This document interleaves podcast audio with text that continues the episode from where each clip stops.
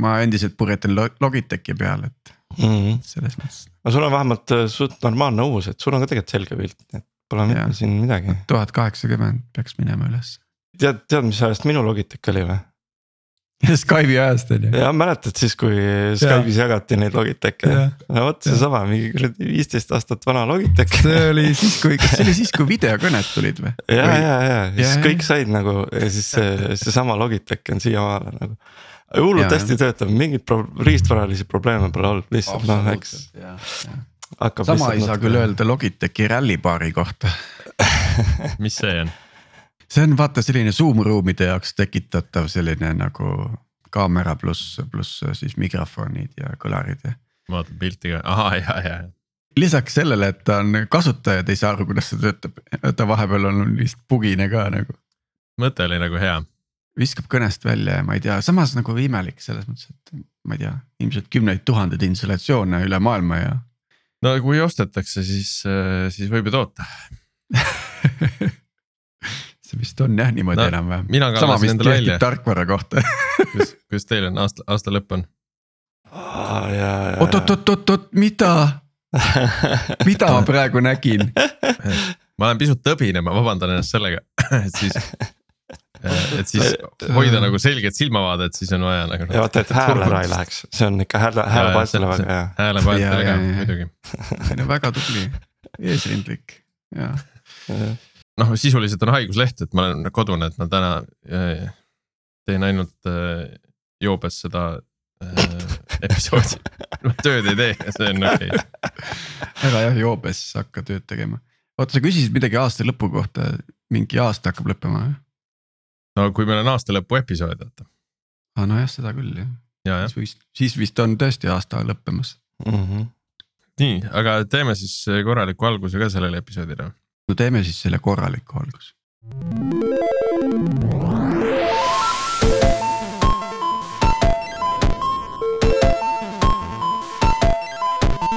tere jälle Algorütmi kuulama, eetris on meie saja kuuekümne neljas episood, mina olen Priit Liivak Nortalist ja koos minuga täna Tiit Paananen Veriffist ja Martin Kapp Pipedrive'ist. oota, kas see saja kuuekümne kuues ei ole või?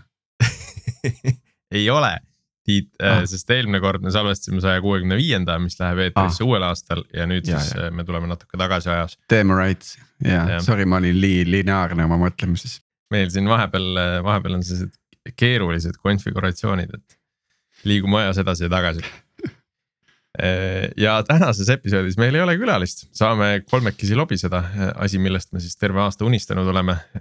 me sa- Damn right, saaks, saaks ise rääkida hästi palju ja, ja ja ma mõtlesin seda, et me võiks alustada sellest, et, et, et vaataks üle möödunud aasta nii-öelda lemmikud episoodid, et mis olid siis sellised episoodid, mis kõige rohkem äh, meelde jäid. hakka, hakka ise kohe pihta siis. üks, üks lemmikuim episood oli kindlasti see, et kuidas, kuidas vanad üle kolmekümne aastased arendajad üldse elada saavad. see on ka äärmiselt palju kuulamisi sa- saanud meil Äh, ja, ja siis muidugi Digiti episood, mis me tegime laivis. ma vaatasin, et te panite ka selle kirja, et see oli nagu ikka hoopis midagi teistsugust, eks ole. siis mulle meeldis õudselt, õudselt meeldis jah, see Tõnise äh, ühendatud kodu äh, episood ka, mis äh, inspireeris mindki erinevaid projekte ette võtma mis sa siis pärast seda saadet kohe ära tegid? aa, no vot, ma tegin ära ühe projekti, mis kahjuks devalveerus üsna kiiresti. et, et ma panin endale ka Home Assistant'i püsti, ma panin enda selle pesumasina sinna, sinna külge, ma avastasin, mu pesumasinal on selline remote start'i nupp, et. Ma laen selle asja täis, panen ta valmis ja siis vajutan seda nuppu ja siis, siis ma saan justkui nagu äpist käima panna pesumasina Wow. ja, aga siis äh, ma sidusin selle Home Assistant'isse niimoodi ära, et hoidis nagu kõige odavama elektriga äh, kahetunnise tsükli ja sellel ajal pani ise pesumasina käima, kui pesumasin oli nii-öelda ootel. noh ja siis tuli see universaalteenus ja siis, siis on nagu siis läks saatesse tuleviku No aga- tarbeks. aga, aga nüüd elektri tarbimise nii-öelda äh, jaotamise võtmes ole- on see siiski point, eks ju. Äh, ja, et selles mõttes asi on nagu olemas, et saaks nagu kasutada veel on ju, et. äh, aga noh, peab tunnistama, et see suurte tootjate igasugused integratsioonid on ikkagi korralik pain in the butt, et äh, igal jubil on ikka mingi oma, oma äpp või asi tuleb kaasa, et ja, Jah. ja, ja kuidas need eh, noh, see töökindlus, noh, et kui sul on. LG on nagu pesumasina tootja, siis ja ma ütlen, ärge ostke seda pesumasinat, ostke Samsung, et see on nagu võib-olla veel parem. aga Mhm. äh, et, et nemad nagu ei oska API-d teha nagu korralikku, mulle tundub, et nad on, nad on nii kaua selles riistvara peal olnud ja sellega purjetanud, on ju. ja, ja siis, kui sa hakkad nende nagu seda mingit developer portalit või API nagu kihti vaatama, et siis eh, noh, küll ta ei tööta nagu töökindlalt, jukerdab siin ja seal ja siis eh, ma ei tea, isegi autentimiselt Google'iga olid nagu mingid jamad ja mingeid asju saad teha ainult kasutajanime ja parooliga autentides ja mitte nagu noh, ühesõnaga. see oli nagu korralik pain, aga lõpuks, kui see tööle hakkas, oli tore on ju, noh ja siis tuli see universaalteenus. Äh, vot ja siis mul, mulle meeldis muidugi ka see tehnoloogilise teatritüki episood puhtalt sellepärast, et eh, ma sain minna sinna, ma sain teatris käia. istuda seal tagapuldis, vaadata, kuidas, kuidas nuppe vajutati õigel ajahetkel. et see oli nagu, see oli äge. no selles mõttes, et ma ka inspireerituna sellest saatest äh, käisin ikkagi ka, üritasin need piletid hankida ja käisin ka seda teatritükki vaatamas ja. ja tõesti päris äge oli ja, ja lapsed mõlemad olid silmad punnis terve see pool tundi seal vaatasid mm. -hmm. seda, mis seal kõik toimus ja. ja, ja nemad olid noh, läksid täiesti sisse ära. mina pulti ei näinud, aga äge oli vaadata küll, kuidas seal. aga seal puldis suurt ei olnudki, see oligi nagu üks MacBook, MacBook eh, Pro, millel oli siis eh, mingisugune list asju ees ja siis lihtsalt vajutati play nuppu nagu järjest. aga no jah, ei äge oli. sihuke koostöö inimeste ja siis selle automaatika vahel sihuke vahepeal oli nagu sünki, sünki issue sid oli näha, aga samas no anname andeks, see oli esimene katsetus ja see tegelikult see oli väga äge ikkagi lõppkokkuvõttes Mm -hmm. ja ma, ma sain aru, et seal nagu kohati oli see ikkagi taotluslik ka, et mm, et see näitleja pidigi nagu mingi asjaga süngis liikuma, -hmm, just et seda ei olnud nagu. noh, et, et liiga palju tracking ut ei olnud sinna sisse pandud. Ja, ja tõesti ja, ja kui me nüüd arvestame, et, et see näitleja on veel seal tagapool, kes ei näe midagi, eks ole, kes peab põhimõtteliselt kinni silmi Neid kaste liigutama ja lootma, et see kast on õiges kohas, no see on päris äge värk ja, et kellel see veel kuulamata, minge kuulake, ma vaatan, kas seda äh,. mul on kuulamata, ma vist ei osalenud selles episoodis pean ära vaatama. Vaatame, kaua nad mängivad seda veel, et äkki saab isegi ja muidugi jaanuaris, jaanuaris, veebruaris on isegi pileteid olemas, märtsi on veel pileteid olemas, nii et äh, viimane minge võimalus. vaatama, Palle üksi maailmas Eesti. Noorsooteatris. Cool, nii, aga kuidas teil, millised episoodid nagu eriti meelde jäid?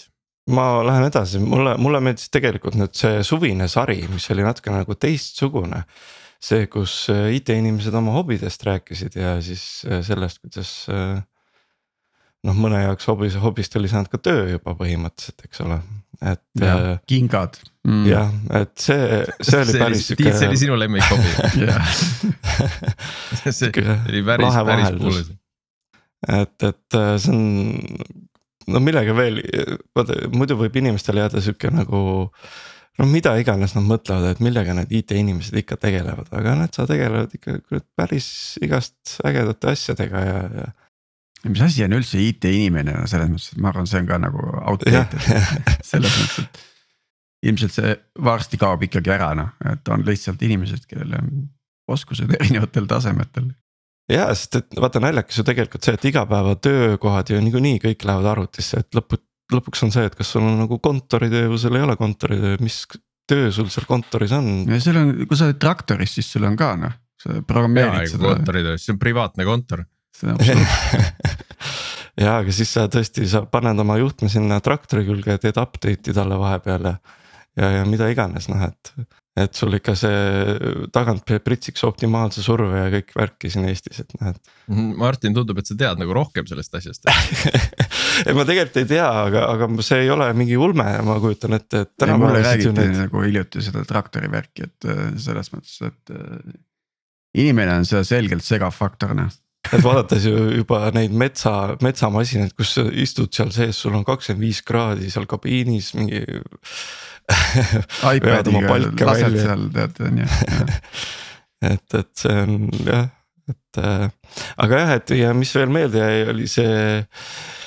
tegelikult, et aasta läbi oli see masinõppe teema meil ka ikka sihuke kogu aeg nagu kerkis ülesse, et siis erinevad need masinõppe episoodid olid. Äh, ja no loomulikult see, kus me saime nagu selle kiivriga kanadest rääkida, et see see oli päris tore. ja no mul samamoodi tegelikult äh, see Digiti äh, live episood jäi, jäi hästi meelde. kaotasid Tiidu oh no.. kuhu sa kaotasid mu? mis asja? Tiit jäi väga sügavalt mõttesse ei, ma olen olemas What the? sa jäid korraks nagu, korraks nagu lukku jäid. ja, ja ignore, ignore selles mõttes, et see, mida te näete, sõltub teie bändkütist meie vaatepunkt. ja ma ei tea, mis te vaatate. siis hakkasid ütlema midagi, et mis sulle. ja no digit selles mõttes mm -hmm. live episood loomulikult.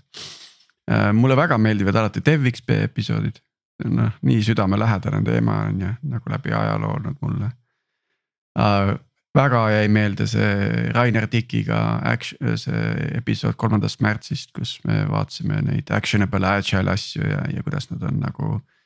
noh, tundus ikkagi väga küpsel tasemel võtnud asjad ette, et me natukene üritasime seda replikeerida, ühe tiimi saime nagu samale levelile, aga. aga teistel on vaja järgi võtta, eks ju ja, ja persoon, persoonilood on, on toredad loomulikult, et meil oli üks inglisekeelne episood sel korral, eks ju, prantsuse arendajaga ja, ja, ja noh, nüüd äh, eelmise nädala episood Jaanus Kasega, kus me rääkisime Tactist, et äh, seal oli just see nagu tore, et äh, inimesed lihtsalt teevad midagi. ja, ja juhtub, mis juhtub, noh. Enda jaoks teevad null, null kulu sisuliselt, eks ju. mingi väike tiksumine kuskilt natukene tiksub peale, on ju jah, mul, mul jäi eelmine kord see mainimata, aga mul tuli selline paralleel natuke sellise 3D printimise maailmaga, et. Äh, mul on mingit asja vaja noh, et ah ma prindin või et ah mul on mingit äppi vaja, ma lähen kirjutan noh. ma võtan sõbrad kokku ja teeme, teeme siis endale nagu täpselt sellise, nagu mul vaja on.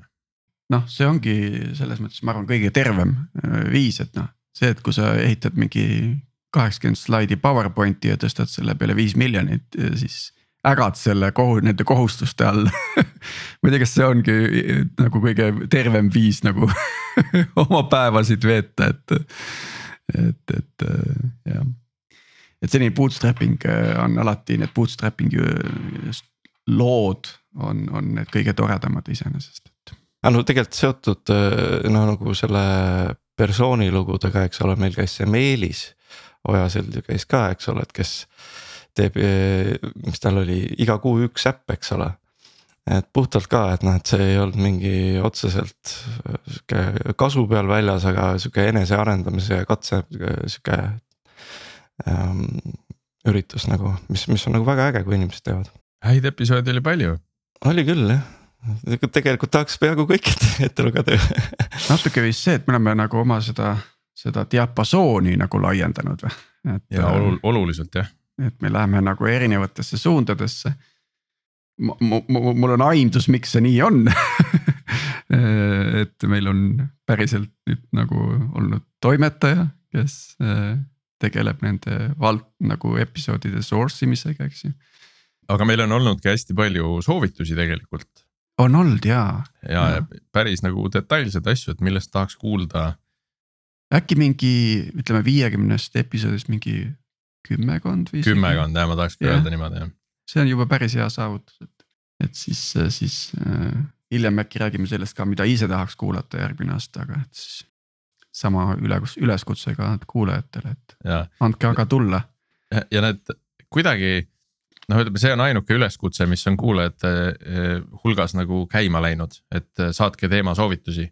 sest äh, pilte me pole siiamaani saanud aa okei okay,, selle Power Apps'i Äh, Power Apps'i äh, mängu äh, tellimuse me vist andsime. kes mäletab, millal me andsime sisse selle oh,? kas see on väljas see episood või äkki see?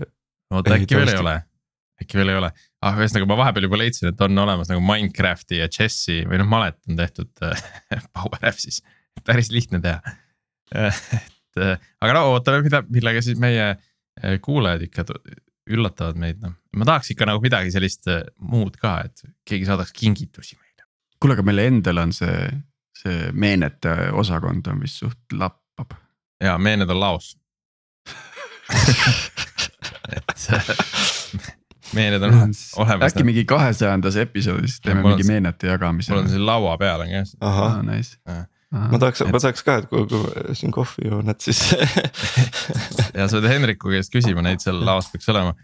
Ma arvan, et, et see oligi kuskil see episood, kus me läksime remote'i peale üle, see, see Mhm. kruus, mis mul siin käes on.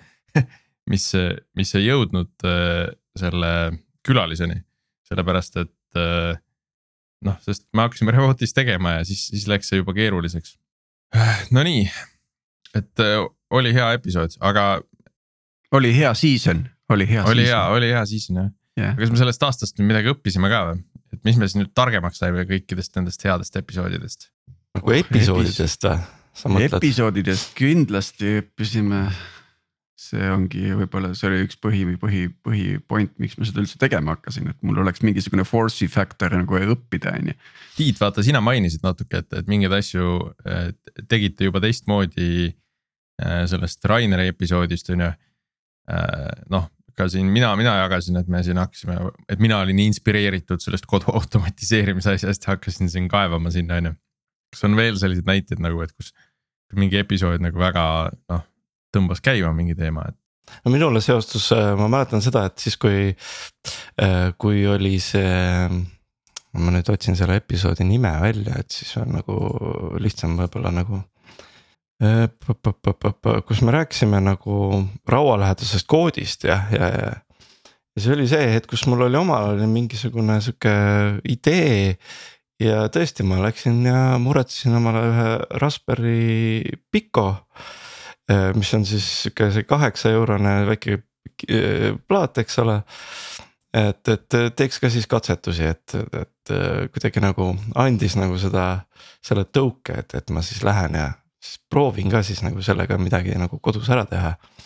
vähemalt katsetada, aru saada, mis asi see siis on nagu sihukene. et väga tore oli mikropüütonit äh, vaadata ja mis sellega teha saab ja kuidas need IDE-d sellega töötavad ja tulesid vilgutada ja pärast äkki midagi tööle ka saada, et.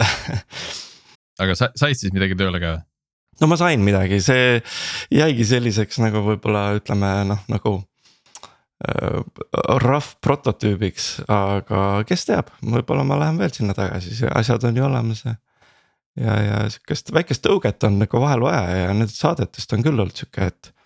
kuule, aga ma tahaks ka proovida sihukest asja, et, et, kas mul on aega äh, ja, ja kui mul on aega, no äkki ma, äkki ma proovin siis ka nagu. et, et jah, et see selline, see oli üks asi kindlasti, mis oli nendest äh, saadetest nagu inspireeritud, noh teine oli see Palle, eks ole, mis oli juba nii huvitav, et. et tahaks minna vaatama, on ju. ja noh, koduautomaatikaga ma olin juba pusinud ka enne, aga, aga tõesti, see saade oli sihuke, et võib-olla nagu pani nagu mõtlema mingitele asjadele, et, et noh, minul on ainult võib-olla kaks-kolm seadet on ju, aga et kui sul on juba neid kakssada. et milline see automatiseeritud kodu siis, mida see siis tähendab üldse, et nagu. No hea on, kui on väike kodu, vaata siis ei ole kakssada seadet, siis saab yeah. paarikümnega hakkama. ja, jah, mul muidugi energiahindadest motiveerituna panin kõik need boileri pistikud ja, ja asjad. noh, põrandakütted ja vent-, soojuspumbad olid niikuinii juba kaugelt juhitavad nagu suvilas, et äh, vaatame, kui madalaks ma selle kulu saan, nii et see kogu kraam seal ära ei külmu, aga äh, et, et äh, talvel, talvel saab või noh, ka suvel saab mõnusalt juhtida nagu äh, seda, et kui tuled, siis on kas tuba soe või külm, eks ju, et vastavalt, et. Et aga see on kõik nagu praegu sellel levelil, et iga seadme jaoks on oma äpp kuskil iPhone'i folder'is ja siis sa pead teadma, mis äppi sa pead minema vajutama. no näed, sa pead ikka Home Assistant'i endale kuskile püsti panema. ja seda, seda. sellega on ju ka tänapäeval probleemid ju, see on ju defitsiit on ju leida omale Raspberry näiteks Raspberry't jah, sa ei saa seda Mm. kuskilt, lihtsalt ei ole mitte kusagil maailmas nagu. alles keegi müüs, alles keegi müüs äh, Facebook Marketis äh, kahtekümmet Raspberry Pi kolme. Neil oli mingi klaster oli kuskil. Ja, siis, ja siis see äh, lahustati ära ja siis läks äh, kakskümmend tükki nagu jagamisele, aga noh, see on kolm, neli on parem jälle. no ja, ja kui sa leiadki, siis eks ole, see riistvaraturg ta on ka nagu noh, asi, millest ei tahaks nagu väga rääkida see aasta, et. no asi näiteks, mille, mille mina nüüd see aasta võib siis ka öelda ära õppisin, selgeks tegin endale, et eh, ma panin endale kohaliku äh, NAS-i püsti, ehk siis mul on enda oma storage nüüd nurgas äh, põhimõtteliselt kõik, kogu minu fotomaterjali jaoks, et ma vaikselt kolin Google'i pealt minema äh,. ja, ja hoian seal nurgas, kenasti on back-up itud, pean ütlema, et on viisakas. ka pilves on, on nii-öelda koopi olemas, aga ka sinna saab panna selle Home Assistant'i peale, et noh, toetab ju Dockerit ja sinna võid, eh, sinna serverisse võid ehitada nagu rohkemgi veel. Ehm, ma ise küll eh, jälle olin natuke skeptiline selles osas, et kas ma peaks enda seda ähm, andmete lähedal nagu hoidma mingit, mingit teist teenust, mis on võib-olla nagu internetile avatud, et natuke riskantne tundub. et siis ma ikkagi otsisin see Raspberry välja aga, aga see oli päris, päris huvitav maailm, et, et kuidas, kuidas seal on kõik olemas, noh. sul on siis mingi vabavaraline NAS või? noh, mul on Synology NAS, ma teen ah, Synology, okay. reklaami kohe, aga neil on ja. kõik olemas, neil on äh, Drive olemas, mis on sisuliselt Google Drive'i kloon. Neil on isegi mingisugune Notes olemas, ma panin enda Evernotes'i nagu subscription'i kinni, sellepärast et ma sain kõik oma märkmed migrada lihtsalt sinna Notes'i ja see on nagu sihuke üheksakümmend viis protsenti on selle Evernote'i kloon. see on tegelikult selles mõttes müstiline, et kui sa ei taha olla pilves, sa paned nagu natukene võimekama mirrordatud ketastega NAS-i endale, siis selle peal saab väikest firmat run ida. jah ja,, põhimõtteliselt küll ja kulud on ühekordsed, eks ju. jah ja., just, just. jah, ja sa ei sõltu nagu kuskil pilveteenusest, noh kõike seda saab, on ju. samas me oleme täiesti nagu teistsuguseid lähenemisi kuulnud äh, noh, mida ka näiteks Katana ju teeb, et kõik on SaaS, mitte midagi ei ole nagu on-prem midagi, kuskil ei hoia andmeid, ei ühtegi pipeline'i, mitte midagi. et ma ei tea, see on selline natuke kultuuri küsimus. see on sihuke fifty-sixty, et äh, kui sul on äh, vähegi osavamad inimesed, kes nagu suudavad hallata näiteks seda NAS-i, NAS-i conf'i inimeste kataloogi asja, eks ole, siis on see odavam. aga kui sul on inimesed, kes on paremad nagu konfi, et siis miks muretseda selle pärast, kui sa saad teenuse võtta näiteks, eks ole. et see on ilmselt ikkagi see, et mis, mis oskused sul parasjagu olemas on käepärast, et kiiremini asi käima saada jah, peab tunnistama küll, et endal ka aeg-ajalt ikka käsi natuke väriseb, et kuna on internetile avatud teenused, siis. käid ja vaatad neid logisid, et kes on seal proovinud, et, et kas on proovitud autentida, ikka tuleb, aga noh, või et Õnneks äh, ei ühtegi intsidenti veel. Õnneks jah, et mul on ka seesama noh, Synology üks, eks ole, siis see seal on, nad vähemalt on mõelnud selle peale, mulle tundub, et, et äh, firewall'id ja asjad on peal. et äh, noh, mul jääb üle ainult usaldada seda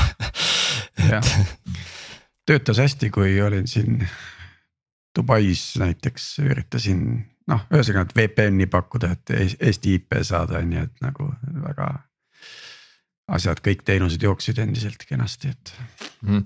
võib-olla see on asi, millest peaks ühe episoodi tegema siis, et, et kuidas. tundub küll, et see on. kuidas kolida nagu pilvest ära, et me oleme, me oleme rääkinud ainult sellest eh, pilve ja SaaS-i poole yeah. liikumisest, et, eh, et teisipidi ka võiks teha.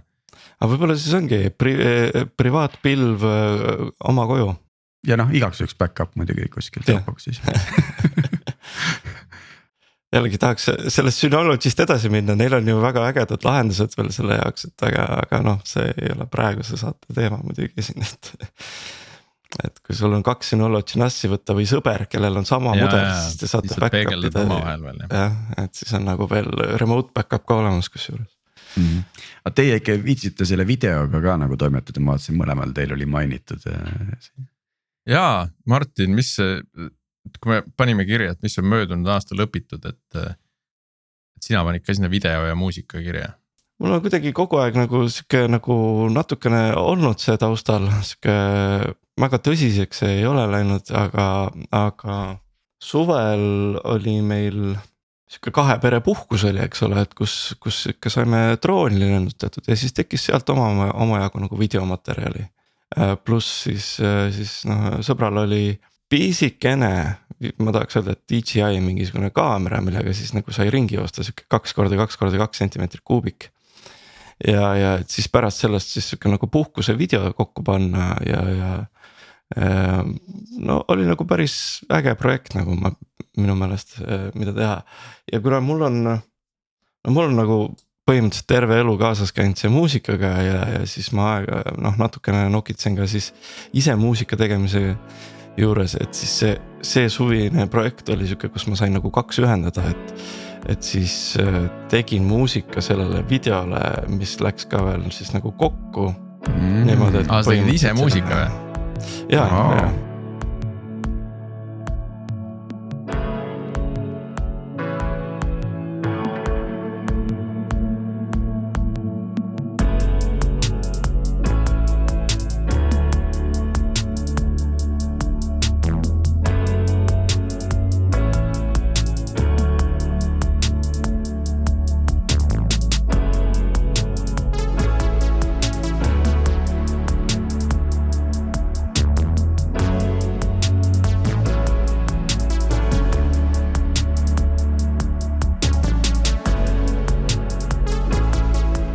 pidi sa tegid, sa tegid nagu video enne, siis sa tegid muusika, mis nagu sünkis videosse äh,? mul oli niimoodi, et mul oli. tavaliselt vaata lõigatakse teisipidi, et sul on see mingi yeah. muusikapala ees on ju ja siis sa teed need cut'id õige koha peale.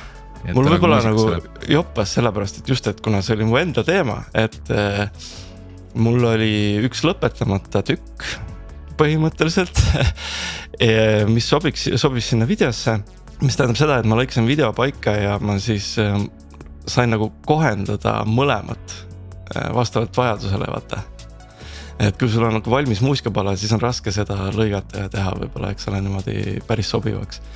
aga kui sul on nagu see muusikapala toormaterjal, kus sa ise oled ka selle looja, siis on seda lihtsam teha. saad nagu timmida. jah, et see Sest... oli nagu väga lahe projekt nagu selle, selle. see mõttes. on äh, see, see on kindlasti teema, mis minul natuke nagu sellise naha kihelema ajab, et kui me, kui me saaks teha ühe episoodi nagu päriselt sellisest. ma ei tea, filmitööstusest, kus, kus mingid need robotkaamerad nagu liiguvad ja nende programmeerimisest näiteks.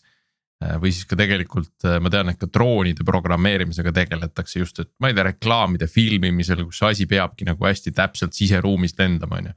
ja siis programmeeritakse sisse see tsükkel on ju ja siis, ja siis filmitakse selle abil et noh, et see oleks, see oleks hästi huvitav teema. minu enda jaoks isiklikult, ma ei tea, kas meie kuulajad seda hindaksid üldse. ja ma olen selle videoga läbi käinud nagu selle arengu kakskümmend aastat tagasi, kui tuli esimene Sony DCR kaamera, mis mahtus nagu päriselt kätte, eks ju, ja kus oli siis seitsesada kakskümmend resolutsiooniga digitaalne video. mida sai juba telekas näidata, et HD-d veel siis ei olnud, on ju, et kõlbas näidata. et, et ja siis ma tegin kümme aastat neid videosid ja siis, siis käis veel nagu jõud üle. mingis mõttes nii, nii riistvaraliselt kui ka nagu enda äh, võimekuse mõttes, aga mulle tundub, et viimased kümme aastat on see. see kvaliteedi ootus on seal läinud nii kaugele eest ära, et see on selline prosumer äh, approach, sa pead ikka, sinna ikka kulub ropult aega nagu, et number üks õppida ja siis nagu seda produktsiooni kohendada ja nii edasi. no iseendale võid teha no iseendale jaa, aga vaatad iseenda asja ka, no mitu korda sa vaatad seda noh. vaatad, et noh, oli nagu Eesti film, et äh, nagu oma kaka nagu kuule, kes ütles seda, oota. no las ta jääb ei, aga, aga selles mõttes on küll, et, äh, et miks ma ka pusisin ja ma ikkagi ka uurisin nagu netist too hetk, kui ma nagu seda väikest noh. seitset minutit kokku panin, on ju. et kuidas mingeid asju teha ja mingisuguseid noh, nagu värve ja värke, et noh, et. tänapäeval tõesti, et, et sa ei taha enda videot ka vaadata, sa võid selle kokku panna ja see on sulle nostalgiline, eks ole. aga kui sa tahaks seda vaadata kunagi hiljem, eks ole, et siis. noh, sa näed igal pool neid ägedaid videosid vaata, et noh, et tahaks ette enda oma ju ka parem oleks, et. nii on jah, see tase on ikka väga-väga kõrgeks läinud, et. selles mõttes, et see on nagu asi, kus, kus no ütleme, ma olen ka samamoodi kõike seda uurinud, on ju, et. Äh, et kuidas nagu DaVinci's seda asja kruttida, kuidas neid värve sättida seal. Äh, et see, noh, see, see on mõneti selline natuke nagu õppimissõltuvus ka või, et noh, et. et mingi selline dopamiini laks tuleb sellest, kui sa nagu jälle mingi uue asjaga hakkama saad, mida sa enne ei osanud. et, et osaliselt on nagu selline uus ja sihuke novelty, öeldakse, et noh, motivatsioon on ju tingitud. millest, mingi kolm asja oli seal, ma mäletan ainult, et novelty oli üks nendest et, et see uudsus nii-öelda noh, et, et millegagi uue ja ägedaga tegeleda, et see annab hästi palju motivatsiooni. Eh, vähemalt mingiks perioodiks on ju, et kuni, kuni see uudsus kestab. jah, minu, minu õppimised võib-olla noh, kui nüüd mõelda töö peale rohkem ja, ja natukene ka nagu selle valdkonna peale, siis äh, väga suur väljakutse on, on see, et äh,. et kui sul on mingisugune noh gramm suurem organisatsioon, noh ütleme sada viiskümmend inimest on ju, paarkümmend pluss tiimi on ju. et kuidas see nagu toote roadmap ja selle peal nagu toimiv selline nagu, kuidas ma ütlen, governance protsess, mis eesti keeles võiks tähendada? vot mm. sellele ma ei tea eestikeelset vastust. Mõni no, kuulaja teab, et siis kirjutage meile. Juhti, juhtimishaldusprotsess just, et, et kuidas, kuidas selline Äh, setup nagu üles seada, et see ei tekitaks overhead'i. see, see on see põhiteema, et noh, ja seda on suht lihtne, eks ju, aga siis, kui kõik nagu toimetavad ja overhead on kõrge. Eh, siis kuidas veel seda teha Jira's, on ju, et eh, sest. Eh, aga Tiit võib-olla ei saagi. Ei oota, oota, nagu ma nüüd arendan püha, seda teemat. püha kolmnurk, et, et tahaks asju odavalt, kiiresti ja kvaliteetselt. It's, it, see on võimalik see on võimalik, aga seal on te teatud rida eeldusi.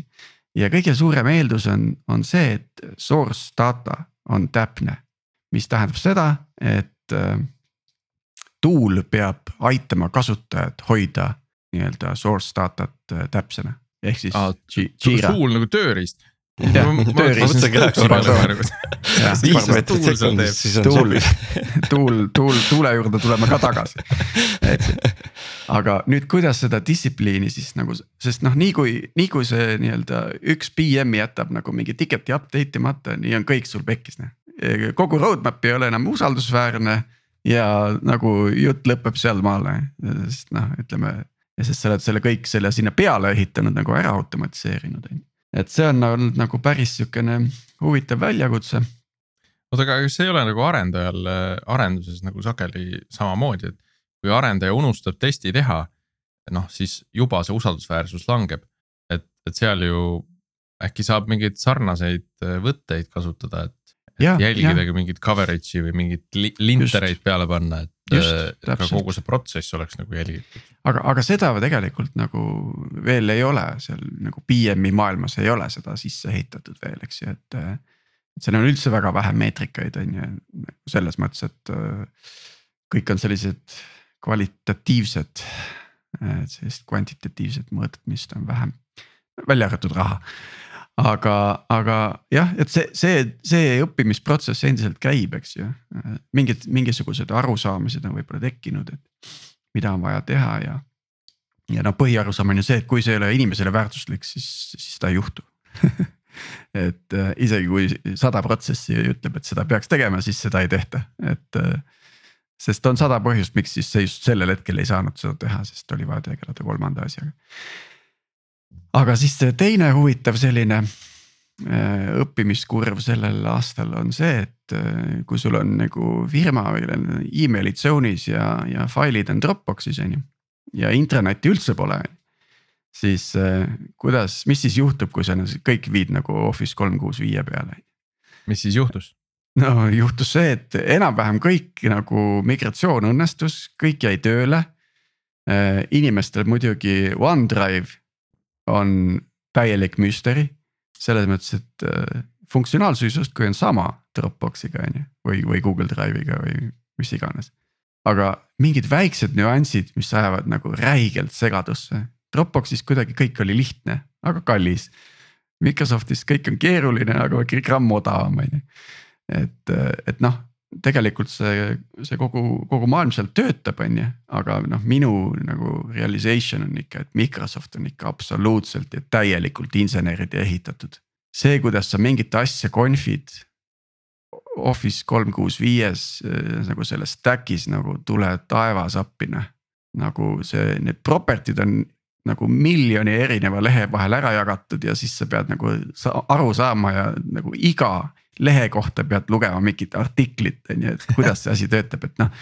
nagu seda saab tegelikult paremini teha sinna no. min poolde võib-olla pole, vist ei olegi sisse näinud nagu, et kui palju seal no. igasuguseid setting uid asju on.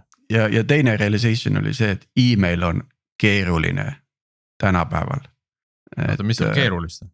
no just, et noh, okei okay,, et nagu äh, ma ei tea, viis, kaheksa, seitse, neli, kuus, viis ja üheksa, üheksa, kolm ja kakskümmend viis on ju. et noh, mis seal keerulist on, on ju. aga kui sa hakkad vaatama kõik see, see spämmi värk ja mingid domeenid ja D-mark'id ja mis, seal on nii palju kraami juurde ehitatud.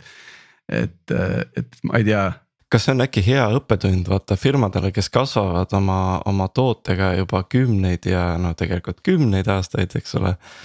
et, et ähm, ei saa ainult juurde panna asju, peaks äkki vahepeal ikka tegema nagu mm, korraliku scratch'i ja uuesti. pidevalt peaks tegema seda reha vist. jah, ja nii on jah.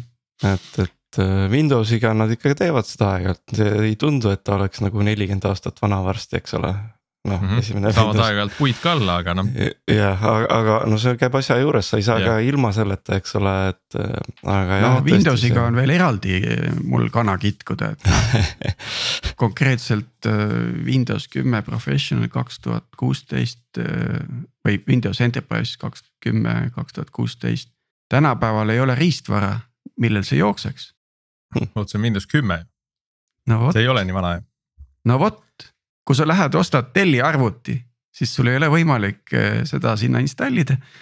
tähendab, sul on võimalik see sinna installida, aga ta põhimõtteliselt ei tööta. nagu graafikakaardid ei tööta ja nii edasi okay., ühesõnaga driver eid ei ole, BIOS-il, BIOS ei, ei toeta, eks ju, et noh eh, midagi on kuskil katki läinud nagu ma arvan, nad võtavad meelega neid driver eid sealt eh, pool'ist välja lihtsalt, et yeah. inimesed uuema, uuema versiooni peale ära koliks põrgulised. sest et noh, näiteks äh, minu seisukohalt, eks ole, noh, see aasta tuli, oli see aasta, tuli see Windows üksteist, eks ole. Mhm. mille ma panin ka rõõmsalt peale. mõni asi, kuna ma tegelen heliga näiteks, siis Windowsi heli sihuke alamsüsteemides tehti suured muudatused, mis on nagu oli super luks see ei ole asi, mis paistab välja siit või niimoodi, eks ole. no see on nüüd üheksakümne kaheksandast aastast samasugune olnud on ju. jah, aga nüüd lõpuks ometi asi paranes, ütleme niimoodi et, et äh, aeg-ajalt ikkagi saavad mingid ägedad, aga muidugi noh, kasutajakogemus on ütleme maitse asi vajab harjumist, Martin. just, just lihtsalt. jah aga ütleme jah, kui ma võtan sihukese väikse firma, kus on ütleme pool inimest, kes natukene teavad midagi IT-st, eks ju. ja nüüd, et davai, Office kolm kuus viie peal lenda on ju, kas midagi pead hakkama confima? ei, ei, ei, sõidavad no default äh, vaikse sätetega. jaa, nagu good luck with that nagu mm. -hmm et see on nagu asi, millega peale pead nagu natukene mingit direktorit pead hakkama nagu vaatama, et eh, kuidas see asi siis päriselt peaks olema. sellega seoses ma hiljuti vaatasin eh, Power Apps'i natuke rohkem sisse, Power Platvormi ja Power Apps'i. ja mul on eh, Tiit hästi sarnane kogemus sellega, et kuidagi hästi palju nuppe on ja, ja noh, see ei ole nagu. no ütleme, see low code üldse, väga palju tuli nagu rename ida asju, noh et, et et hästi palju on juhendeid selle kohta, et mis on parimad nagu naming äh, praktikud, nimetamise praktikad.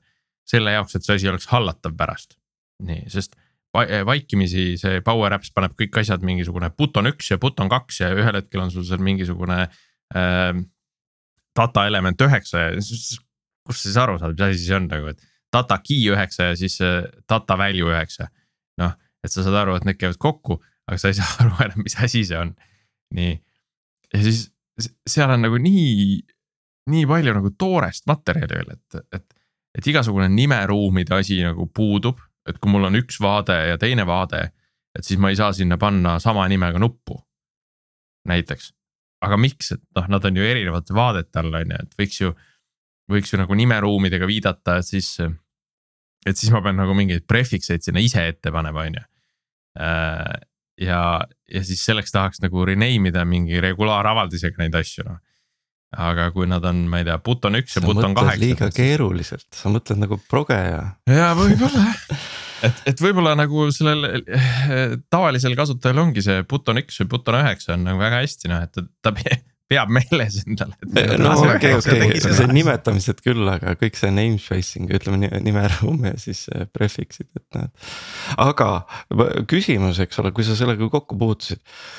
kas tundus see sulle piisavalt palju lihtsam kui progema õppimine äh, tead nii ja naa eh, ei tea. sest sisuliselt Kas... sa ju tegelikult, sa ju programmeerisid, lihtsalt sa tegid seda teistmoodi nagu. ja just, just, et need probleeme tuli täiesti uutmoodi lahendada, noh et, et ikka tekib nagu vajadus, et. Aa, et ma tahaksin nüüd mingid vormielemendid ära peita, kui kasutaja vajutab seda cancel nuppu, noh et ma tahaks sinna vaatesse nagu tagasi minna no ja siis, et see programmeerija taust andis mulle mingi võimaluse selleks. et ma, ma ei saa nagu, et, et, et seal on ka mingi loogika, mingid, mingi kontekst on nagu sees, et ma ei saa nagu ühest kontekstist nagu teise konteksti objekte muutma minna. et ma ei saa selle nupu juures öelda, et kui sind vajutatakse, mine peida see teine asi ära. ei, ma pean mingisuguse muutuja sättima kuskile üldisemasse konteksti ja siis, ja siis see teine asi loeb seda muutujat, vaatab, ahaa, et kui see on nüüd noh, et, et kas ma siis olen nähtav või mitte. et, et see nagu programmeerija mõtteviis nagu natukene aitas. aga, aga samas noh, seal on ikkagi sellised ümber nurga lahendusi, ma ei taha öelda nagu häkke, aga noh, et, et mul on probleem ja ma pean seda lahendama nende viisil. et ma ei saa seda lahendada nagu sellisel viisil, kuidas minu lihtsa äpi jaoks tundub nagu mõistlik. Sorry, et ma nüüd sellest tegin nagu Microsofti episoodi, aga ühesõnaga et äh, lõpp, lõpptulemus on see, et poole rahast hoiame kokku ja kõik on litsenseeritud ja legit, mis oli tore. ja et halba pole midagi, lihtsalt äh, jälle peab hakkama teistmoodi mõtlema. jah eks see on võib-olla tõesti, et kes iganes selle platvormi loob, eks ole, et neil on mingisugune ideoloogia, võib-olla alguses. Läheb see ka keerulisemaks ajaks, aga kes nagu ütleme, on värskemalt alustanud, võib-olla nad on saanud parema võimaluse nagu ütleme niimoodi, et kohe alguses kaasaegselt äh, mõelda või lihtsustada mingeid asju, et.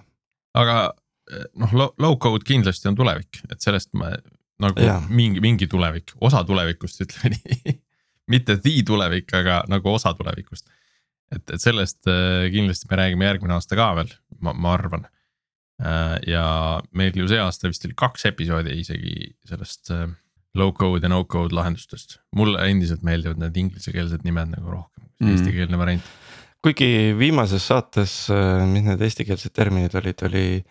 no mul ei ole ka meeles. mingi vaiekood või ei, oot, oot, oot, oot, oot no ei, ei tulegi meelde. ei tule meelde, noh, et kui ei ole. aga ma mäletan, need olid päris head, need olid nagu sobilikud, aga lihtsalt kuna me ei kasuta neid. Nad olid neid, sobilikud, aga kas nad olid päris head et, et kui ta ei ole nagu catchy, et siis võib-olla ei ole päris hea. Äh, ühesõnaga, et päris palju on äh, õpitud. aga võtame prognoose, eks ole, et sa arvad, et sellest äh, no code, low code'ist räägime veel. kuidas, kas, kas, kas ka üks neist võiks ära kaduda? Mis sa arvad? või, või pigem nagu mõlemad lendavad rohkem peale? ma arvan, et, et no code kaob ära. no selle mõttega, et, et tekivad. ma arvan, et no, no code muutub commodity'ks. vot huvitav, teil on täiesti vastupidises arvamus, sest ma oma peas, miks ma küsisin, ma tegelikult, mul oli sama mõte natuke nagu Priidul, et kui see. no ja minu, minu mõte, miks ma arvasin niimoodi, oli see, et. et kui no code on nii keeruline et sul selleks on progejat vaja.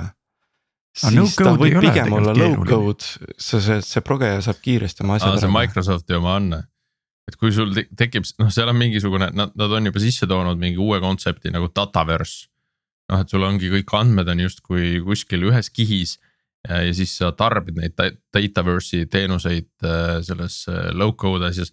et, et igasugused asjad, mis sa ise püsti paned, seal tundub nagu kuidagi loogilisem see, et noh, et et ma tõmban siit API-st asju, sealt API-st.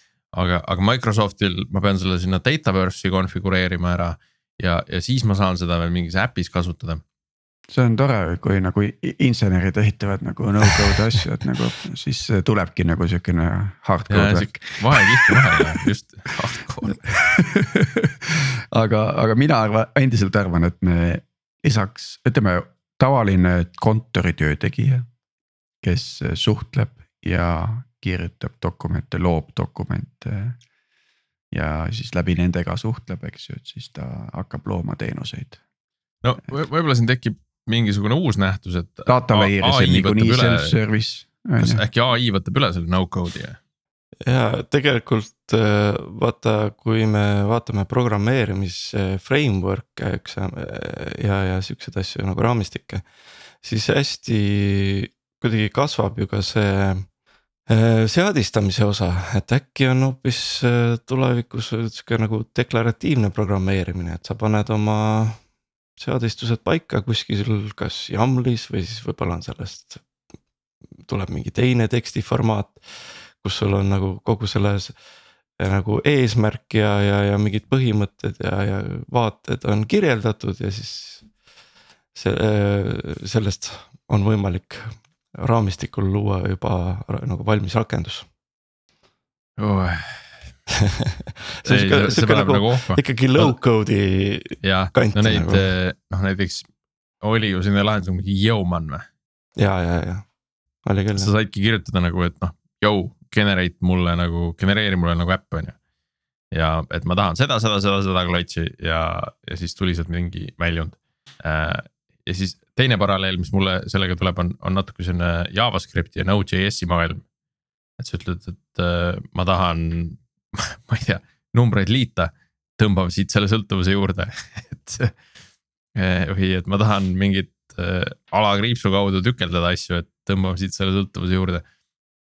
et, et kõik sellised generaatorid ja, ja, ja, ja siis ka see, see, mis seal Node, ütleme JavaScripti maailmas nagu toimub, see sõltuvuste hullus.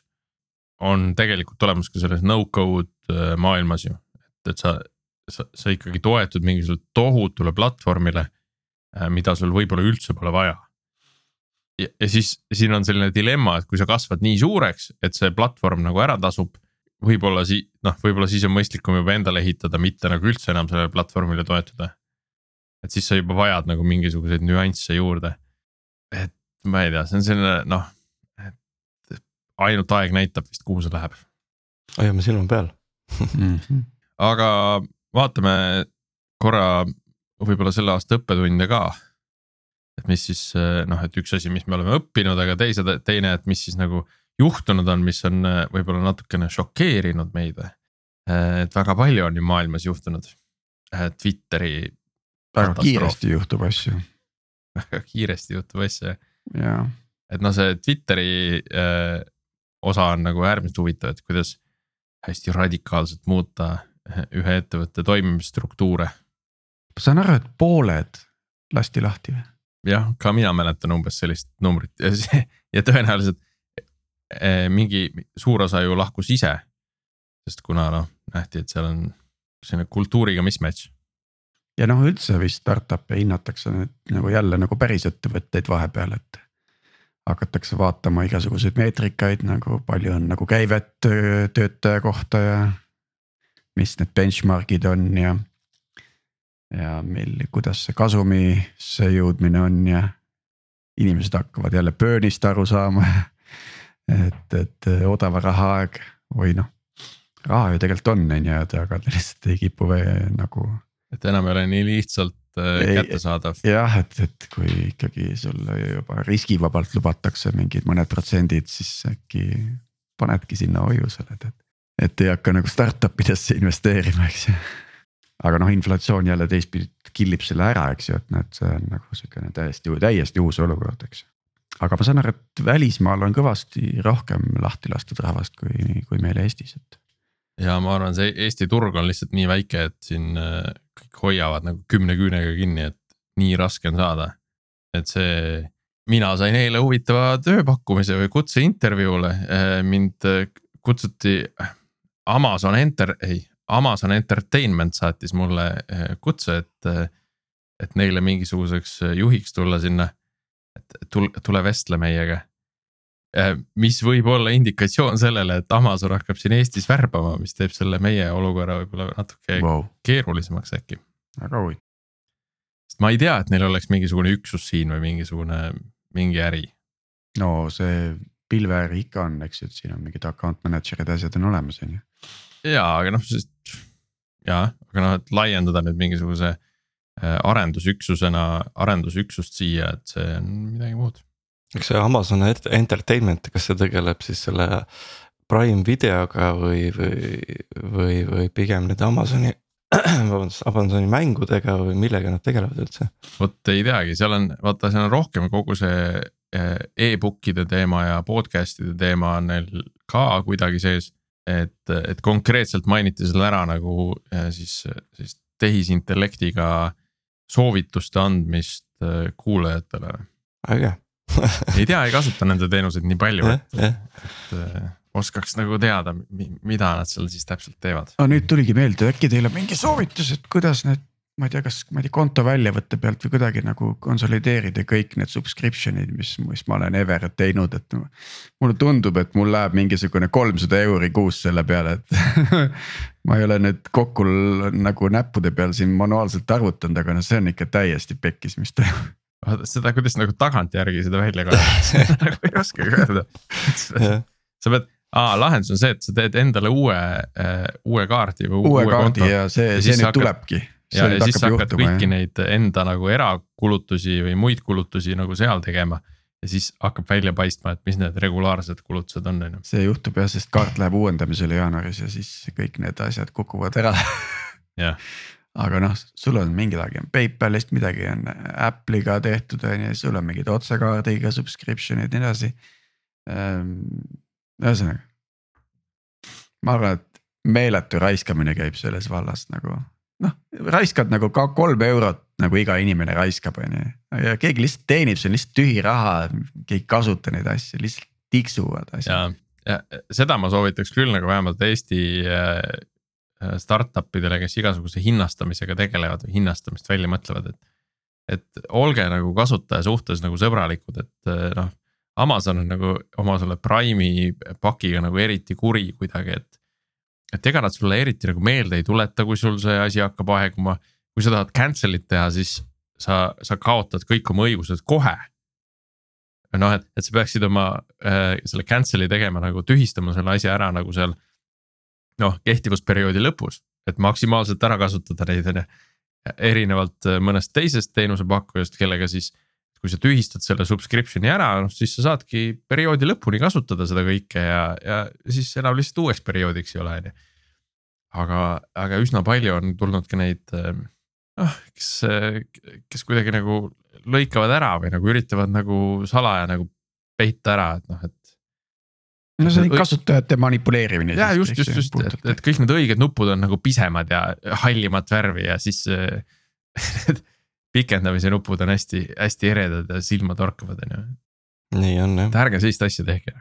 suureks õppetunniks on võib-olla siin veel, veel see, et kohe otsin välja selle õige, õige lehekülje Will Larsoni raamatust, mille nimi on An elegant puzzle et äh, see graafik äh, peab paika. et kui sul on äh, tiim erinevates arengustaadiumites, siis sul on teatud nii-öelda vajalikud tegevused ja kui sa neid tegevusi ei tee, siis ega nad sealt arengustaadiumist kuhugi ei liigu ka, on ju. et, et, et kui sul on eri küpsusastmega nagu tiimid või, või, või ettevõtted isegi, eks ju, siis tarkvaraarenduse protsessi nagu strateegiline mõtlemine on ka täiesti erinev, eks ju. et meil on natukene ikkagi seda, et tahame olla nagu tublimad ja suuremad ja nagu paremad. aga kui me sinna nagu ressurssi taha ei pane, siis seda ei juhtu et see ja, ja see ressurss tähendab nagu noh, nii koolitust, nii inimesi, nii aega, nii, nii nagu eesmärkide seadmist, eks ju. et, et et hästi palju on sellist või tähendab, mida ma ise kogen, on see just see, et, et tahe on nagu erinevas kohas kui võimalused ja see on kogu aeg vist nii ja, ja seda hüpet ei saa ju väga pikka ka teha, et sa ei saa nagu mitu arenguetappi nagu edasi hüpata, et sa peadki need kõik läbi käima ja kui sul hästi läheb, siis sa peatud seal igas ühes võimalikult lühikest aega. liigud siis kiiresti. ja, ja, ja siis mulle tundub veel, et ma nüüd, see on nüüd puhtalt selline anekdotal evidence, aga kuna ma testimisega ei ole viimasel ajal nii palju kokku puutunud, aga mulle tundub, et seal on mingisugune uus. uus evolutsiooniline nagu kiirem areng parajasti käimas, eks ju, et. eks see sõltub sellest ka, mis on nagu konkreetselt see arendusmetoodika ja, aga. aga see, see vahepealne aeg, kus kus OOIO automatiseerime kõiki arendajad kirjutavad teste ja nii edasi, siis hakkab nüüd natukene jälle nagu vist muutuma, et. et ma ei tea, kas on mingid uued koolkonnad veel tulevad sisse jälle ja mingi uued kurud, aga. no tõusutrendis on, on, on see software engineering test äh, temaatika ka, mis äh, mis noh, USA-s on juba nagu mõnda aega olnud, eks, aga ma näen nagu siin ka räägitakse sellest nagu üha rohkem. Jah, et seda peaks võib-olla järgmine aasta natukene uurima siin mõne guruga koos, et. Äh, et siis täitsa nagu insenerid, kes tegelevad ainult nagu testimise valdkonnaga, mitte siis mitte siis see suund, kuhu vahepeal liiguti, ehk siis äh, arendajad, kes tegelevad nii-öelda laiapõhjaliselt äh, äh, ühest äärmusest teiseni kõigega. see spetsialiseerumise teema nagu muutub vajalikuks, sest ei saa nagu enam kõik, kõik ei mahu nagu selle arendaja pähe ära. Ja noh, mingid inimesed ilmselt ikkagi saavad aru, et, et manuaalne testimine on ka nagu ikkagi teema, eks ju, et tihtipeale see lihtsalt on liiga kallis automatiseerida on ju. Et kui ei ole raha käes, siis äh, peab üle klikkima noh. Ei saa nagu võtta inimest tööle, kes suunaks seda kursorit õigesse kohta automaatiliselt. oota, eh, nüüd me tegime selle vea, et või noh, mina tegin selle vea, et ma ei kuulanud ära seda meie eelmise aasta seda lõpuepisoodi, kus me, kus me tegime ka ennustusi uueks aastaks. aga noh, mulle tundub, et äh, kuidagi on see tunne, et, et me ennustasime sellise ka serverless'i valdkonna kasvu. ja nüüd tõde on olnud see, et me tegelikult see aasta sellest rääkisime vähe ja mulle ka tundub, et äh, turul sellest räägitakse nagu pigem vähe, et see enam ei ole nagu selle hype tsükli peal, et ta on kuskil nagu muusse kohta jõudnud, et kas ta on nagu, kas ta on nagu tagasi vajunud nagu äh, hämarusse või, või siis võetud kasutusse kui täiesti nagu äh, legit asi ja seal, kus sobib, seal kasutatakse ja kuidas teile tundub, et mis, mis värk sellega on? vot ma ka ei tea, et äh, mul tekkis sama tunne, et radaril nagu ei ole. noh, Eesti kontekstis dashboard'il ma ei tea, kuidas läheb äh,, väga ei ole kuulda, kuulda olnud. Kes on siis selle serverless'i nagu monitooringu peal on ju, et et mulle tundub, et ta on võib-olla äkki leidnud mingi koha, kuhu ta päriselt sobib ja kuulub ja see ei ole suur koht. et, et see on mõnevõrra erinev nagu sellest, mida nagu low code ja no code teeb, et, et noh, et, et ta on leidnud oma koha, ta on sinna nagu maha maandunud ja äh, ära stabiliseerunud. ja low code, no code nagu ikka noh, see on, mulle tundub, et, et kogu aeg nagu räägitakse, et see kohe tuleb. Kohe tuleb revolutsioon ja me enam ei kirjuta üldse koodi. aga nagu kunagi päris kohale ei jõua et, et ta otsib nagu, otsib oma kohta, aga see serverless on justkui oma koha leidnud juba ja, ja siis võib-olla ütleme, üks selline õppetund on ka, mida ma olen nagu pannud tähele, et et mulle tundub, et selliseid spin-off startup'e on nagu tekkinud juurde ja rohkem. et keegi kuskil arendab ettevõtte sees mingisugust väikest tööriistajuppi või mingit raamistikku, mingit, äh, ma ei tea.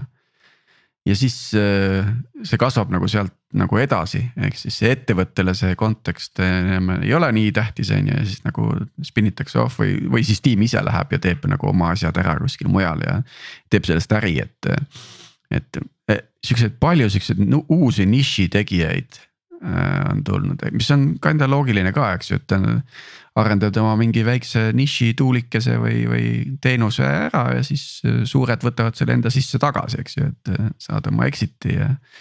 võid, võid osta, ma ei tea, saare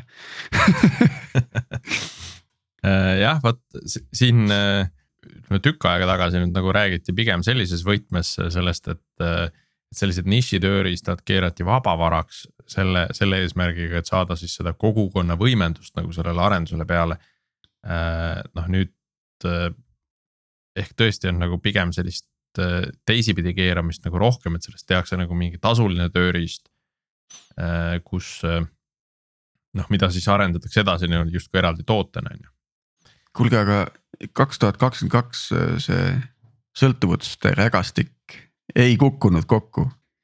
ootame siis järgmisest aastast seda et, et see, sellel tundub, võib olla suurem mõju kui, kui mis iganes raketil, mis kuhugi lendab. no aga tegelikult on, on räägitud ju sellest nii-öelda supply chain äh, Äh, turvalisuse teemast äh, äh, üha rohkem ja rohkem, mis, mis läheb hästi sinna sõltuvuste maailma sisse, et. et võib-olla ta hakkab sealt lagunema, et see turvalisuse aspekt just mõjutab seda, seda maailma rohkem kui need sõltuvused ise kas siin on midagi, mida nagu ütleme, ettevõtte nagu tarkvaraarenduse kultuurilises võtmes saab ka nagu juhtida, et. et nagu päris igat väikest asja ei pea nagu sisse tõmbama mingi jaa, kahtlemata ja see on äh, noh, et, et mida mina rohkem näen, on, on selline nagu standardiseerimise tekkimine. Et, et kui nagu mingi X aastat tagasi räägiti seda, jaa, meil on kõik tiimid on hästi autonoomsed, teevad, mis tahavad. siis nüüd räägitakse seda, et jaa, meil on tiimid autonoomsed.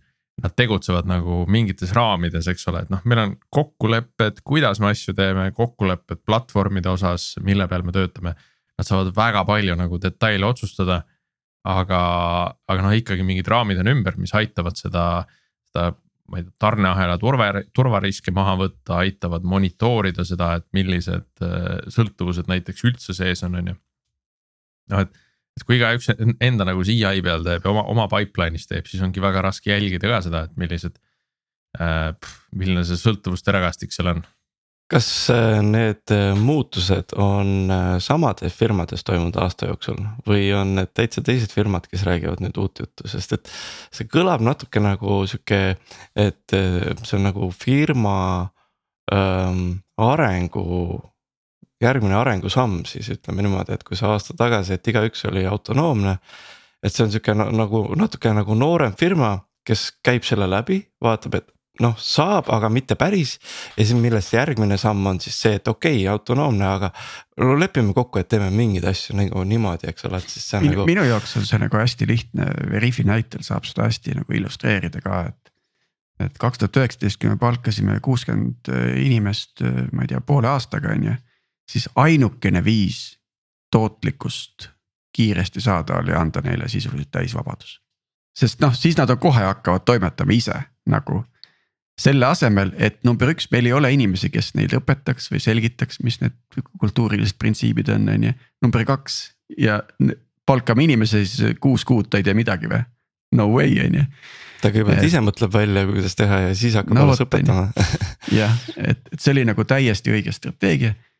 ja nüüd on olukord see, kus seda tootlikkust ja produktiivsust tuleb teisest kohast leida et ta ei pea kõike ise välja mõtlema ja on mingisugused asjad, mis meil on juba nii-öelda oma stack'is nagu de facto standardid on ju. ja siis, siis on ka, on ka juba inimesi, kes suudavad need kirja panna, mis need mm -hmm. on, on ju. ja, ja siis. nõus, ma arvan, et vaat seal alguses on ka selline natuke nagu avastamise faas. et ongi vaja nagu hästi palju öö, kogemusi saada ja leida üles see, noh, see tehnoloogia või see suund, mõtteviis ja see ongi väga terve nagu, eks ole, et igaüks nagu näeb erinevat osa maailmast ja siis tuuakse kokku lõpuks, et äh,. nüüd istume maha ja mõtleme, et kuidas me edasi ja, läheme, et. et kuidas me tahame, et meie maailm oleks nagu on järgmine samm, eks. et see ja noh, sellist efektiivsuse otsimist on ju hästi palju olnud see aasta, nii äh,. nii ettevõtete poolt kui, kui ka nii arendusettevõtete poolt, kui ka siis tööstuses, kui äh,, kui nagu e-valitsuses, et, et äh, otsida neid võimalusi, kuidas. Äh, kuidas jälle mingit protsessi nagu efektiivsemaks muuta. no oleme ausad, see aasta, kus on sihuke noh, majandusele keeruline olnud ja tõenäoliselt ka järgmine aasta see jätkub, eks ole, et kus äh, noh, nagu me rääkisime, et inimesi lastakse lahti, eks ole sul on vähem inimesi, kes peaks teoorias tegema sama töö ära või siis sa ei saa uusi inimesi juurde nii palju võtta, nagu sa tahaks ja sa pead ikkagi tegema seda tööd ära, et siis. see selline optimeerimine on nagu suhteliselt äh, tähtis võtmesõna, eks ole, et leida mingi uus lahendus raskes olukorras, eks ole noh. et, et paneb inimesed äh, loovamalt mõtlema äkki ka. aga mida me siis äh, tahame ise kuulata Algorütmist järgmisel aastal? Mulle ikka meeldib see produktiivsuse teema. ma mäletan, me kunagi alustasime sellega, et milline on, kuidas mõõta arendaja efektiivsust, oli meie üks esimesi episoode üldse ja, ja ma ütleks, et võib-olla nende noh, kogu selle saja kuuekümne pluss episoodi jooksul me ei ole seda väga kombanud äh, rohkem. me oleme rohkem rääkinud masinõppest kui arendaja produktiivsusest äh, võib-olla nagu ümber nurga me oleme rääkinud sellest. Et äh, kuidas igasugused põhimõtted ja mustrid on olulisemad kui konkreetsed tehnoloogiad ja. ja noh, kõigest sellest me oleme rääkinud, aga sellest produktiivsusest, mõõdikutest nii tiimi kui, kui indiviidi tasemel võib-olla saaks rohkem rääkida isegi ja ma olen ka nõus sellega, et äh, selles saates äh,, selles alguse saates äh,, kus, kus mina olin külaline alles ma mäletan, et, äh, et jah, kui me rääkisime, et siis tegelikult ikkagi väga keeruline. ja ma olen siiani seda, seda meelt ise näiteks, et äh, et kui me võtame produktiivsuse kui sellise natukene abstraktsema asja, siis me ei saagi seda väga hästi mõõta see on sihuke. sellega ma olen täiega nõus ja, ja selles mõttes äh.... et me saame mõõta mingeid osi sellest, aga kas see annab sulle selle täispildi? Ja probleem on selles, et overhead kasvab eksponentsiaalselt seal selle mõõtmise juures, on ju, et äh, see, see, see prots-, see ise on kallim kui see võidetav äh, gain, mis sellest produktiivsuse puutumisest saab, eks ju. see on nagu see nuclear fusion, et äh, et, et seda võid teha endal kodus ka, aga sa, sa ei tooda sellega elektrit, sest see see on nagu kallim. aga noh, et, et samas seda ikkagi uuritakse kogu aeg edasi.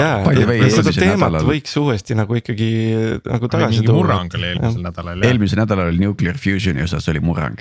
no just, et võib-olla tuleb siis arendaja produktiivsuse osas ka järgmisel aastal murrang ja, ja, ja seda nagu mõõtmine ei ole enam nii kallis äkki ega see vist ongi jah niimoodi, et see jälle praegu vähemalt eeldab ikkagi sedasama distsipliini äh, äh, nagu selle, et need andmed tekiks, eks ju mm,. praegu selle distsipliini andmed. saavutamine on suure overhead'iga. no võtame väga lihtsa, lihtsa näite, märkan, et on bugi. kas äh, panen bugi kirja või sama ajaga parandan ära? kumba tahad? mänedžer ütleb, pane kirja, aga millal ma siis parandan seda? no pärast seda, siis läheb kaks korda rohkem aega, ai kurat, ära siis pane.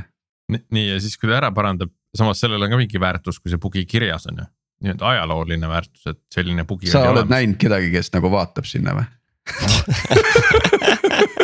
see masin vaatab kunagi mingisugune ai hakkab. ärme, ärme ikkagi enesepettusega tegele jah, et me arvame, et meil on vaja nagu, nagu seda ajalugu kõikidest bugidest, mida me parandanud oleme. okei okay,, tegelikult äh, repo, reposse jääb see alles on ju, et see paranduse juurde on. Nagu ütleme nii, et sa lähed sinna juurde siis, kui midagi lendab kuskil mujal ventilaatorisse ja lõpptulemusena see on selle põhjus ja siis sa tõesti leiad selle ülesse, et selline muudatus tehti nagu kuule, kui sa koodi muudatuse teed, PR jääb niikuinii ja deployment jääb niikuinii, et selles mõttes, et unusta see freaking bugi ära sealt. aga Tiit, seesama näide, mis sa tõid, on ju, et, et, et see lööbki juba selle produktiivsuse siis uppi, on ju, et. ta läheb, parandab selle vea ära, tegelikult väärtus on suurem.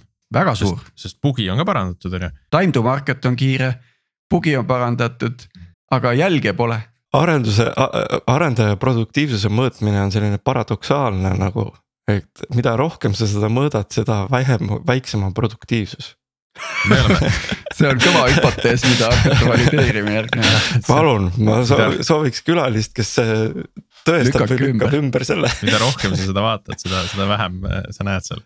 Äh, no meie oleme siin aasta lõpus hästi palju äh, toorameetrikatega tegelenud ja, ja tundub, et seal nagu on mingi. ütleme, Toora actionable agile, seal mingi sümbioos sellest, seal võib tegelikult midagi saavutada küll. täitsa automaatselt mõõdetavad, ei ole väga suure overhead'iga. aga noh, et, et selle nagu see, see nagu miinuskoht no,, miinuskoht, seal ei ole seda väga head läbipaistvust, et noh, et me ütleme, et me mõõdame seda ja sellel on see mõju. aga, aga see, kui vaatab nüüd peale projektijuht eh, või keegi nagu väljastpoolt, siis ta ei, ta ei näe seda seost nagu väga otse, otsest seost. ja ülioluline on mitte võrrelda tiime, vaid ja. võrrelda ühe mhm. tiimi endise endise selle tiimi endaga. Sest nii kui sa hakkad seal tiimivahelisi võrdlusi tegema täiesti erinevates kohtades oma küpsusastmelt, oma sõltuvustelt, kõigelt, eks ju. Ja siis, siis sa keerad selle eks täiesti ole. pekki nagu. no vot siis võib-olla on see Dora on hea teema, millest ka, ka järgmine aasta üks episood teha. kas on mingeid uusi, uusi rolle, mis eh, nagu tarkvaraarenduse kontekstis sellises ütleme multifunktsionaalses tiimis nagu tõusevad esile, mul, mul, mulle tundub, et mingid data insenerid tulevad ja ma tahtsin sama öelda, et data on nagu see kasvav teema, et enam nad ei ole nii eraldiseisvad. Pigem ikkagi juba lõimuvad selle, selle arendustiimiga osaliselt. aga muus osas, noh ei tea, äkki on siis mingid need tehisintellekti asjad ka nagu aa, et, et meil ei ole enam eraldi distsipliintiimi nagu masinaõppe peal, vaid ta ikkagi nagu on siuksed. ei, ma ei, ei usu. hetkel vist pigem on, aga, aga, aga samas miks mitte jällegi tulevikus, et, et ta oleks loomulikum osa kogu sinu ülejäänud ärist, äriloogikast ja koodist. siis ta ei tohiks olla ka nagu nii eraldiseisev ju. et seda distsipliin tiimi võib-olla siis nagu kaasatakse rohkem üldisemasse tootearendusse. mitte noh, mitte ei tõmmata siis, kui tootearendus näeb, et on vaja, vaid nad saavad kaasa rääkida seda ja näha, näha võimalusi. kus seda tehnoloogiat saab kasutada. aga ilmselt päris nagu arendustiimidega nad ei, ei lõimu siiski. Aga mis tuleb võib-olla rohkem, siis see on äh, security ka. et sinna ilmselt äh, tekib täiesti eraldi uusi rolle, mida tänastes arendustiimides äh, üleliia palju just ei ole. või siis infosec'i tiimi tegelikult tekib ikkagi mingis mõttes arendaja, eks ju, kes suudab kaasa rääkida, praegu vist on natuke see, et. et päris arendajatega otse nagu infosec'i tiim nagu ei, ei saa nagu jutule nagu. et nad on natuke distantsil nagu Ops oli Jah. kunagi, toimub see lõimumine seal ka. ma tahaks öelda, et meil on nagu olnud äh, mõlemad need, mida sa mainisid, on, on nagu juhtunud, et. et Infosecil on ilmselgelt arendaja noh taustaga inimest vaja. kes ja natukene jagab asja ja samas on see, et äh, on nii-öelda esindajad igas tiimis. kes siis käivad nendel security mingisugustel ka siis nagu kokkusaamistel, kui vaja on, et see info leviks vähegi nagu inimeste kaudu ka, mitte nagu ainult, mitte ainult äh, Slackis kusagil noh. unustatud message ite kaudu, vaid et, et keegi nagu ikkagi saab tiimis sellised lisaülesanded nagu üks nendest on jah. teemad. et, et see on küll asi, mis on jah, noh, mida rohkem kasvad, eks ole, et siis. kuidagi peab see info ju levima, eks ole, et ikkagi. peab, midagi peab toimuma nagu, inimesed ei jaksa lugeda enam neid message eid aga kas meil, me, me see aasta rääkisime ka antropoloogidest, et kas, kas võiks tekkida ka selline äh, noh, Scrum Masteritest on nagu räägitud pikalt, aga see on hästi ikkagi mõnevõrra nagu kitsas distsipliin, et või kas võiks tekkida ka selline kommunikatsioonispetsialist slaš antropoloog, kes siis aitab nagu neid äh, protsesse inimsõbralikumaks muuta, mis siis toimuvad äh, tiimide sees ja tiimide vahel. No agile coach'id on nagu siin-seal toimivad, eks ju. no mulle tundus, et see antropoloogia teema on ikkagi natukene teine distsipliin. ja, ja, ja ma mõtlen nagu distsip-, nagu, et selliseid distsipliine on tekkinud tiimide juurde, eks, et võib-olla selline kommunikatsiooni inimene ka. et, et ei ole enam, et kui kunagi räägiti nagu Scrum Masterist nagu üksikrollist. et siis eh, nüüd me saame rääkida eh, võib-olla varsti nii-öelda tiimist, eh, kes siis tegeleb selle optimeerimisprotsessidega, kus on erinevad rollid sees. Samas jälle ettevõtte küpsuse võtmes ja, ja ütleme mõeldes nagu Maslowi püramiidi, püramiidi alumistele kihtidele, et kui seal seal all seal gramm logiseb, siis. tood selle kommunikaatori sinna peale, noh. siis ei aita väga jah. Who cares nagu. ma ise tahaks natuke vaadata järgmine aasta rohkem sellisesse fang maailma sisse, et kui saaks ikkagi nagu mingit kõrge profiiliga Eesti inimesi või siis ka välismaa inimesi, kes siis selles äh, internetihiidude maailmas tarkvara arendavad, et äh, see oleks ikkagi selline hea õppimiskoht endale jälle ka, et nagu. kas nad on kõik Facebookid, Amazonid äh,, Apple'id või, või Netflixid, Google'id, aga. aga noh, võib-olla siis on siis mingid Stripe'id ja Dropbox'id ja Microsoft'id ja nendest suurtest me väga palju see aasta ei saanudki rääkida, et rohkem jäi nagu kaks tuhat kakskümmend üks episoodide hulka see, kus me rääkisime Google'ist ja. no Microsofti vist saime. Amazonist, kellest me ei saanud lõpuks nagu ja noh, see episood. ei, neist me ei saanudki rääkida. aga et, et no järgmine aasta prooviks saada jälle kuulajatele üleskutse, kui teil on sõpru-tuttavaid, kes töötavad suurtes, nendes päris suurtes või siis ka näiteks Twitteris päris oleks. Vau, Twitter oleks hea. jah, vaata polli tulemused muideks on ka Twitteri polli tulemused nüüd on, on ju olemas. ja seal tuleb uus CEO jah, et Elon Musk astub tagasi, kui see nüüd, kui ta nüüd seda sõnast võtab, viiskümmend protsenti, viiskümmend seitse protsenti ütlesid, et jep astub tagasi vaevalt seal midagi juhtub. arvestades selle persooni sihukeseid eripärasid, siis ma samas ei välistaks ka seda. kas, kas Musk müüb Twitteri järgmine aasta maha? ütleb, ütleb, et yeah käige kuu peale, et. võib-olla ta ei müü maha, võib-olla ta ma... lihtsalt astub CEO kohalt maha. ilmselt see läbipõlemise teema tuleb ka järgmine aasta ikkagi uuesti lauale, et, et meil on nagu päris turbulentne aeg, et. et lisaks tööle on ka kõik muud asjad nagu nii-öelda õhus ja, ja turvatunne väheneb. aga, aga see on, see on väga positiivne, et, et kogu see teema on ka möödunud aastal väga palju tähelepanu ja fookust saanud minu jaoks personaalselt on huvitav see, et kas tõesti see retsept on selline, et sa nii-öelda saad edukaks, kui sa tapab, tapad oma tervise ja suhted. ei, ei, ei, ei, ei. no vot, aga kui sa nüüd vaatad kõige nagu edukamaid, on ju. Ja siis vaatad no,, mis seal Elon nagu Musk taustal jah. toimub, ärme Elon Musk'i juurde lähe mis seal taustal toimub nagu mm,. retsept no, on, on suht ühene. ma arvan, et see on, see on üks retsept no.. et sa saad, sa saad ju ka maitsva toidu, kui sa paned sinna äh, rohkem soola ja suhkrut, kui see tervisele okay. kasulik on. kas sada tundi on founder'i nagu normaalne work week või? sa küsid meie käest seda praegu? No selles mõttes, et see on nagu, see on vahepeal oli täiesti nagu de facto äh, sõnum inimestele, mis on täiesti haige iseenesest. ja samas räägitakse, räägiti ka ju äh, teatud ringkondades ka sellistest neljapäevastest äh, töönädalatest on ju no Scoro vist endiselt seda teeb, eks ju, ma ei tea teisi. et, et on nagu vaatajaid nii-öelda mõlemas äärmuses, et neid, kes ninast veri väljas äh, punnitavad, et edasi liikuda, kui siis neid, kes võtavad lõdvalt. aga nad siis ongi natukene võib-olla tagasihoidlikumate tulemustega või? aga lõpuks see on ju maitse asi, et kellele kuidas edasi liikuda meeldib, et. et. nii et korrelatsioon kes... ikkagi eksisteerib, eks jah, et mis, mis su see eesmärk on või nagu sinu see ajendaja, eks ole, et, et seda sajatunnist nädalat teha, eks ole, et. Et jah, ühesõnaga see teema, see teema tahab, tahab arutlust, ega seal on ka nagu kvantiteet ja kvaliteet töös, eks ju, et. et tõenäoliselt, kui sa midagi ei oska teha, siis sa pead päris palju aega kulutama sellele välja arvata vastupidiselt siis, et kui sul on nagu midagi käpas, et siis see tuleb tegelikult kiirelt aga sihuke arendajate sihuke jah, vaimne tervis, valmisolek äh, kindlasti järgmine aasta on ka väga tähtsal kohal, ma usun. Et kui ennustatakse ka siin jälle keerulisemaid majandusaegu. noh, see tähendab, et paljudel inimestel peaks olema nagu peaksime valmis olema selleks, et meie praegustel töökohtadel võib minna paremini või halvemini või mis iganes. no lõppkokkuvõttes äh, meil IT-s äh, läheb ikkagi keskmisest oluliselt paremini.